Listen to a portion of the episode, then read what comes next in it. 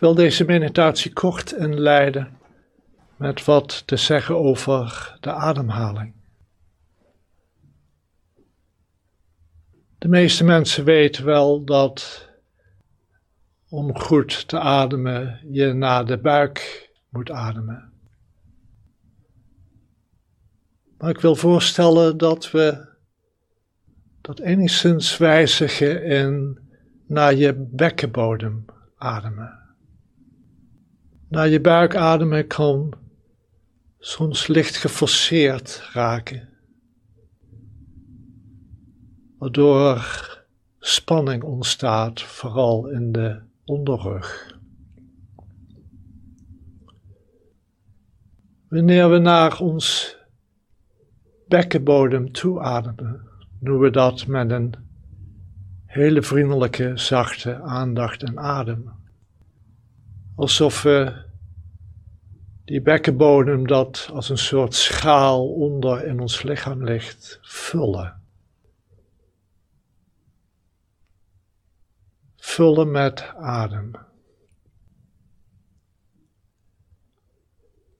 En dat wordt natuurlijk geholpen wanneer we het onderlichaam laten ontspannen.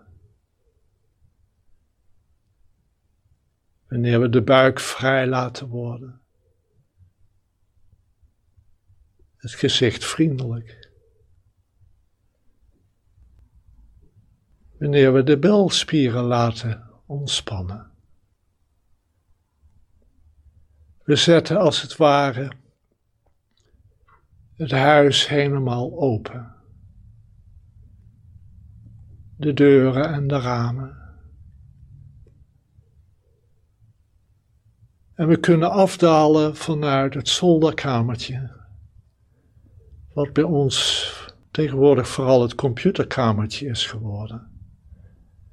Het hoofd, waar we allemaal via Word informatie zitten te verwerken.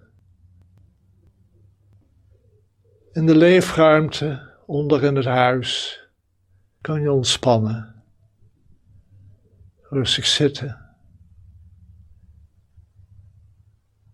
Het is veel groter en ruimer en lichter dan dat zolderkamertje. Er is niets verkeerd, niets mis met het zolderkamertje. Soms is het goed daar te zitten en te werken. Maar keer nu terug naar de leefruimte. In het boeddhisme soms de hal van jade genoemd, de buik.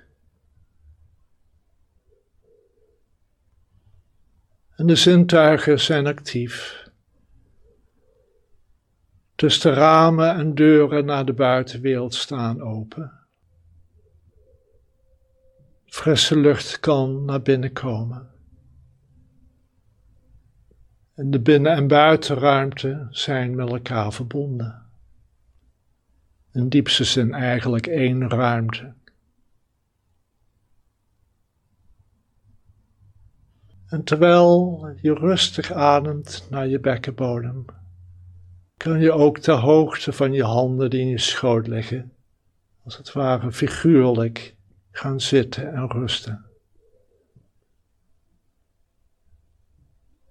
Eenvoudigweg zijn met hoe de dingen zijn. Niets hoeft op slot, we hoeven ons niet voor iets te beschermen. Hoeven niks buiten te houden. Laat het huis goed door lucht raken. En geniet van het zitten. Als je nog onrustig bent omdat je druk bezig bent geweest op de zolder, voel dat. Het zijn de naweeën van de activiteit van zo net. Het rusten juist helpt om de naweeën te laten oplossen. En soms moeten we geduld hebben, want de naweeën van activiteit kunnen lang doorgaan. We zijn zo druk in ons dagelijks leven. al was het maar met tekst verwerken en tekst produceren in ons hoofd. Laat de computer het beeldscherm maar even los. Zit als een Boeddha in de hal van jade. In je eigen kleine paleis.